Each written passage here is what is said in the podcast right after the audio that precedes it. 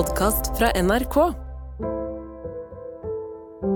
Og så tror jeg òg at jeg var Jeg var veldig redd for å miste julestemningen. Og ofte så var det ikke snø nede i Jondal. Så jeg var veldig Prøvde liksom å holde meg litt for øynene, for jeg ville ikke se at det ikke var snø. Jeg ville opp igjen til snøen. Jeg ser for meg barndomsbygda til artist Herborg Kråkevik, litt oppe i høyden, der snøen lå trygt, og at hun måtte ned i julegudstjeneste i kirka i Jondal nede ved Hardangerfjorden. Der var det mildere, og snøen smeltet altfor fort. Og naturlovene er jo dessverre sånn at eh, ting ikke forblir sånn som de alltid har vært. Folk vi er glade i dør, mange flytter langt bort fra utgangspunktet. Herborg eh, bosatte seg etter hvert i Danmark, men har kanskje ikke sluttet helt å lengte, eller i hvert fall tenke tilbake på barndommens juler. Og jevnt og trutt forsyner hun det norske folk med julestemning ved hjelp av bladet Juleroser. Når jeg leste dette diktet første gangen, så var det de to første setningene, så tenkte jeg ja, det er sånn det skal være. Alt skal minne, alt skal likne. Ikke noe sånn påfunn at i år skal vi gjøre det litt sånn, for det har vi aldri gjort før. Skal jeg bare lese det? Mm. Fortell hvem forfatteren er, da. Hun heter Ruth Lillegraven, og er jo er vel den eneste forfatteren i Norge i moderne tid som har skrevet to, kanskje tre, romaner på rim. Det er godt gjort. Eh, Så hun var jeg veldig fascinert av, og skrev til henne, eller ringte til henne, når jeg lagde første julerose, og spurte om hun kunne skrive et dikt om jul. Og så kom dette her. Kyrkjegard julekveld, igjen og igjen. Alt skal minne, alt skal likne. Alt skal lukte av granbar og grønsåpe og gamle dager. Klokka fem skal klokkene ringe, og så skal det være stille.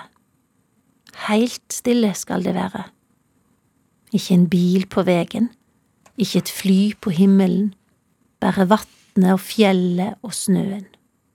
Snøen som skal falle og falle i tunge filler, til fonner og fokk. Snøen som skal falle og falle til vi nesten ikke kan sjå steinene de ligger under.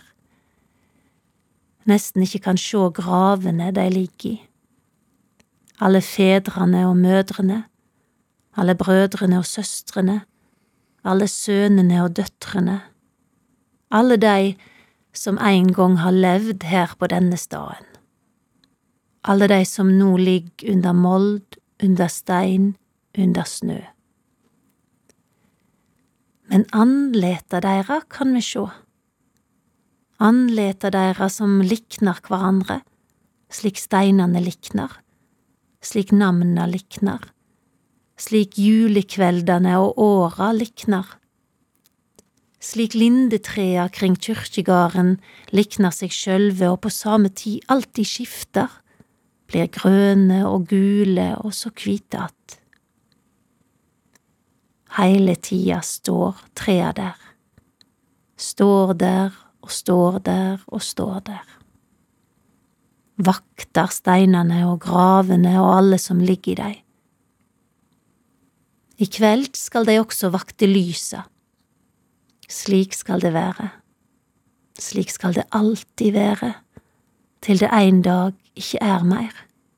Ja, snøen skal falle, alle lysa skal blafre og beve, og alt skal minne, alt skal likne.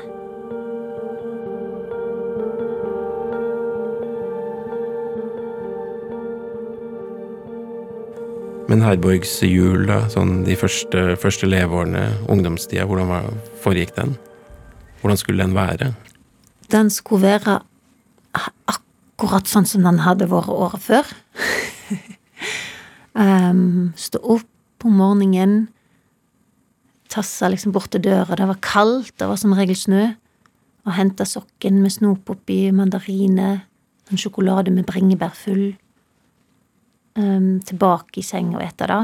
og så høre den der lyden nede fra kjøkkenet der mor mi hørte på radio og stekte mjølkekake. Som jo er sånn, har jeg funnet ut seinere, er samme oppskriften som krepp, som du får i Paris. Som er sånn som en har i Hardanger til jul. Og så skjedde det jo utvikling, for vi hadde jo ikke fjernsyn de første årene. Men etter fjernsynet kom, så hadde jeg jo veldig sånn faste ting, da. Skulle se Tre nøtter til Askepott. Og så var det forskjellige andre ting òg jeg så, men da kunne jeg liksom pynte treet mitt innimellom da, for jeg hadde mitt eget juletre som jeg pynta sjøl. Eh, og noen julafter så hadde jeg jo ikke henta det heller. Så da ute i snøen med hunden min og henta treet. Men hele tiden den der vidunderlige eventyrstemningen ifra Tre nøtter til Askepott som liksom gjalla i bakhovet mitt. Og så var det kveld, da. så sang vi julesanger med bordet, og det tok lang tid, og alt det der som unger husker. Og juleevangeliet, sant, at faren min leser alltid juleevangeliet, og så satt de altfor lenge med bordet, og så var det presanger. Og så hørte vi ofte på Vi hørte jo på radio veldig mye i min barndom, og da var det jo midnattsgudstjeneste på radio, og det syntes jeg var veldig eksotisk. Å høre liksom latinsk og musikken, og at dette var i Roma, og at det gikk an liksom å komme inn i radioen vår, det syns jeg var helt fantastisk. Så det var barndommens jul. For du var da ute med hunden din og hentet det lille treet. mm. For det er sånn jeg husker. Altså min far og jeg, vi var ute og blinket ut et tre, sikkert i på senhøstes, tror jeg det var. Og hengte et uh, lite sånn eh, rødt bånd på det treet vi hadde funnet. Og så var det ut og finne igjen samme tre Ja. rett før jul, kanskje lille julaften eller lille, lille julaften. Og det syns jeg var spennende, husker jeg, å, å se om vi klarte å finne igjen akkurat det treet Ja. i skogen. Vi gjorde alt det. Mens nå drar jeg på Damplass i Ullevål hageby Ja. og kjøper juletre fra Eina på Toten. Så det er koselig, det. Ny tradisjon. Litt omstilling måtte til. Men, eh, men det har blitt en hyggelig tradisjon, det òg. Ja, og det, en skal ikke kimse av byjul. Nei. Det og jeg syns det, det er jo eksotisk da, for oss som kommer sånn fra landet. Du kan gå ut, liksom, og så står det masse juletre på sånn trefot, og så kan du se skikkelig på de òg. For problemet når du kom med et sånt som du henta ut i snøen, var jo ofte at baksida ikke var så fin. Men da kan du se, veit du, når du henter det på Julevoll hageby. Hørte du hørte kirkeklokkene da, klokka fem? Ja, på radio. Men vi bodde så langt vekk fra kirka, så vi kunne ikke høre dem. Og det var en veldig fin stund, for da var jeg alltid nede hos bestemor mi, som bodde liksom i halvdelen av huset vårt, og hun satt alltid Hun kalte det for å skumte. Det var liksom den tida på kvelden når Josef forsvant, og så venta hun alltid med å skru, skru på elektrisk, så var det som stearinljos og og da kom jo klokkene, og da sitter jeg liksom tett inntil hun og hører på. Så snakket de litt om eh, disse kirkeklokkene her fra Narvik, de kom ifra Tyskland på starten av 1900-tallet, sånne ting. Det var fantastisk å høre på. Og veldig høytidelig, da. Hun var veldig sånn alvorlig. Det likte jeg godt. Jeg syns det er gøy når det høres ut som du levde på 1800-tallet. Det høres ut som du var der da fjernsynet kom første gang, og elektrisiteten kom, og, og at, eh, at jula di liksom du har, du har vært der de siste i hvert fall 200 år på en eller annen måte. Jo, men det, det er nok fordi at vi hadde såpass kontakt med de gamle, da. Jeg møtte aldri bestefaren min, men han ble, var jo født i 1899. Så det er liksom en tråd som er ganske sånn kort tilbake til til et helt annet samfunn. Å gå på kirkegården, da, som det står om i dette diktet, skjedde det på julaften? Nei, det gjorde ikke det, for at eh, foreldrene mine de holdt på en sånn tradisjon med at eh, de gikk I faren min sin barndom så var det bare gudstjenester første juledag, for da at Jondal og Strandebarm delte prest. Så det hadde liksom lagt seg i deres da, så vi gikk eh, kun til kirke første juledag. Men når du da var på eh, kirkegården da, første juledag, besøkte dere noen graver? Fikk du liksom en slags sånn idé om, om slekters gang og, og de som hadde levd før deg og sånn? Ja, det gjorde vi. Men da var jeg nok ikke helt mottagelig. Syns det var litt sånn, tok litt lang tid. Ja. Skulle hjem og leke med leikene mine, liksom. Så jeg hadde det egentlig litt travelt, og jeg syntes det var litt slitsomt at foreldrene mine skulle bort og legge kranser på graver og sånn.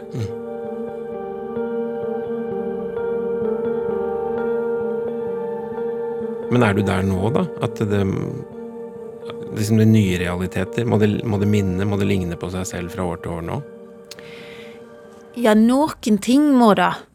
Altså, jeg, jeg blir iallfall veldig glad hvis jeg får lov å høre det der programmet på radio med kirkeklokkene. Og så blir jeg veldig glad over å se uh, jentene mine sin sånn, og mannen min sånn Oi, ble det jul i år òg, ja? For jeg kommer ofte hjem veldig seint. Noen ganger på vesle julaften. Og de har kanskje pynta en del og sånn, men det er ikke på det nivået som jeg mener det skal være. Så da har vi ofte en koselig kveld og sånn, og så tror jeg de veit at mor kommer ikke til å sove så mye. Og så driver jeg på den natt til julaften, er fantastisk. da. Hører på fin musikk og tar meg kanskje et glass champagne. og Så står de opp, og så er det liksom blitt jul. For du har jobbet i Norge da, fram til lille julaften, Ofte, ja. ja, og så skal det akutt falle på plass når du Ja. kommer til Danmark igjen. Ja, og det har litt det har jo en litt sånn stygg bakside, da, at når vi kommer litt ut på julaften, så er jeg jo veldig trøtt. Men det gjør ikke så mye, liksom. Vi har ikke så veldig sånn strengt program, ting vi skal, eller Og så kommer jo gudskjelov dagen. Første juledag. Det er jo helt vidunderlig. Det er kanskje den aller beste dagen, syns jeg. For da er det fred og ro og tid til å lese i de bøkene du har fått, og det syns jeg er fint.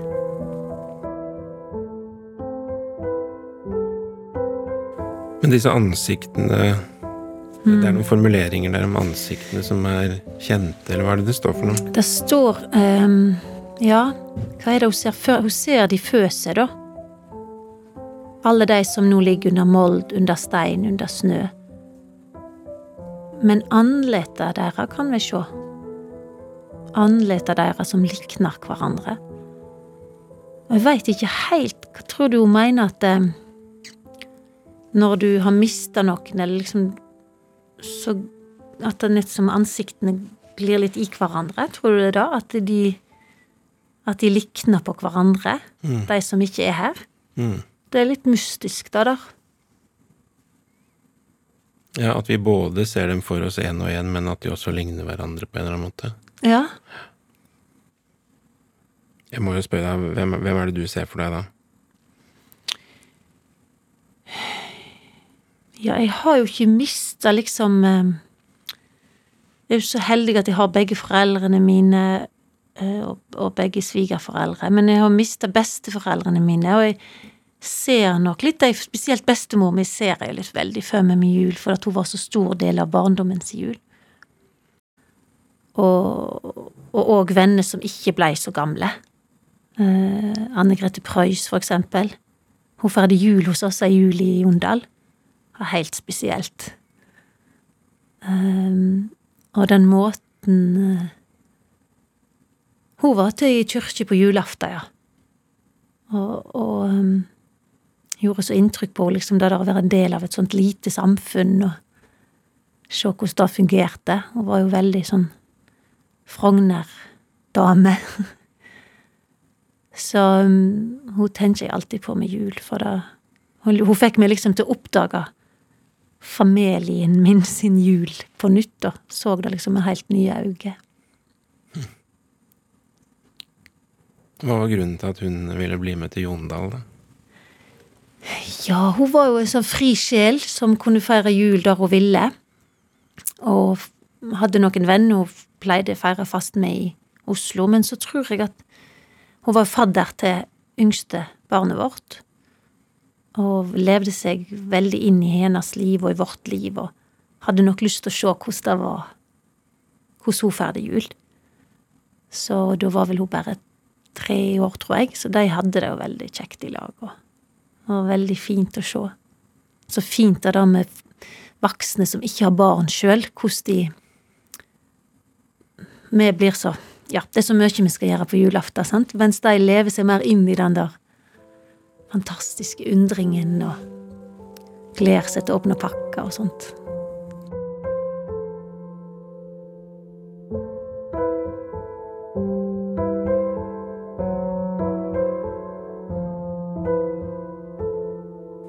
En av de tingene jeg syns er veldig fint med jul, og ikke minst med nyttår, det er jo liksom det der veldig høytidelige påminningen om at ting er forgjengelig.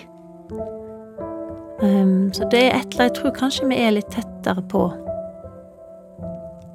noe sånt utenfor oss sjøl.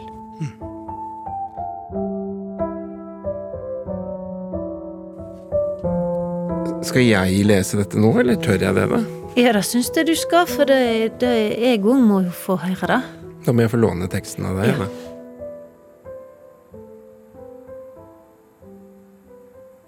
Kyrkjegard, julekveld, igjen og igjen.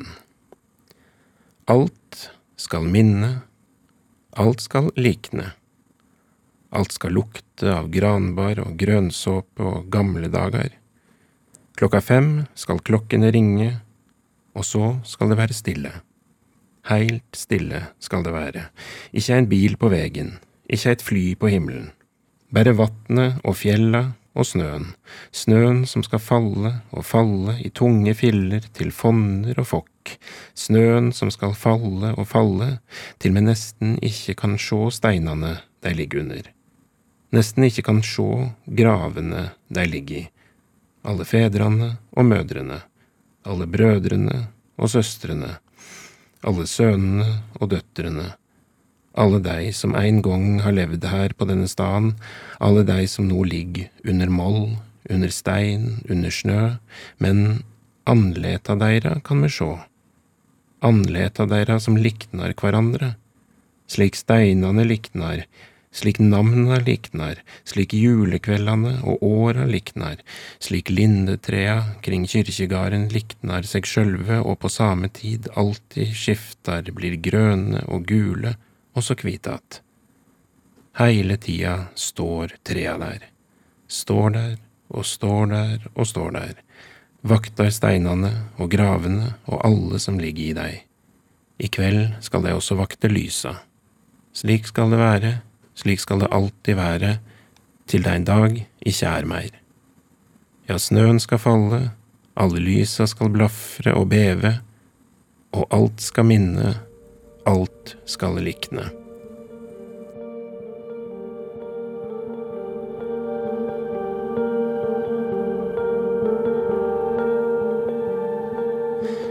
Det der alt skal minne, det er, det høres ut som den mm, Min eh, For det skal det, Altså, hva, hvilken sang er det? Ja, deg skal minne for mm, Ja. Skal minne Ja. Ja, deg skal minne og det Ja, det er mm, Du grønne glitrende tre. Ja. Du kom på den først. Yes. Ja.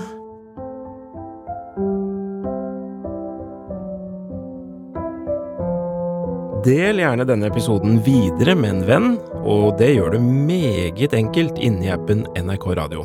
Der kan du også trykke stjerne, og dermed følge oss, og aldri gå glipp av muligheten til å finne et nytt favorittdikt. Brenner deler dikt er laget av meg, Hans Olav Brenner, Kristine Låshus Torin og Janne Kjellberg. Redaksjonssjef er Helle Vågland. En podkast fra NRK. Denne historien handler om pianisten og komponisten Maria Kandegård. Om musikken hennes, om livet hennes og om hjernen hennes. Plutselig så skjedde det et eller annet. Det var akkurat som at ingenting eksisterte. Hun var det enestående musikalske talentet som bare forsvant da hun var tidlig i 20-åra. Jeg tenkte at hele verden, at det var egentlig bare en drøm. Så jeg var en person i den drømmen. Men det var ikke min drøm. Hør pianisten i appen NRK Radio.